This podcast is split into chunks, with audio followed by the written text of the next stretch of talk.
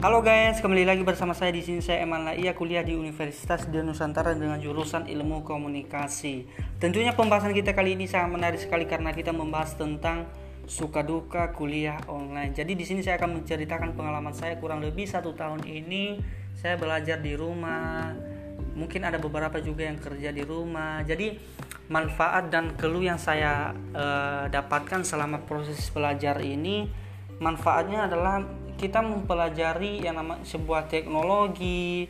Dulu kan kita kalau misalnya kita uh, kuliah kita nggak menggunakan aplikasi Zoom Google Meet. Jadi sekarang mau nggak mau karena kita melakukan proses belajar melalui teknologi kita menggunakan uh, internet smartphone uh, dengan uh, aplikasi pendukung seperti Google uh, Google Meet Zoom dan hambatan-hambatan ini juga pasti uh, ada karena ketika kita menggunakan sebuah teknologi jadi kita memerlukan sebuah jaringan. Jadi hambatannya ketika uh, smartphone kita tidak mendukung uh, jaringan tidak mendukung. Jadi tips-tips uh, di sini saya akan membagikan yaitu uh, tipsnya adalah kita akan memberikan jadwal kuliah. Jadi uh, kita akan menyusun sebuah jadwal kuliah kita agar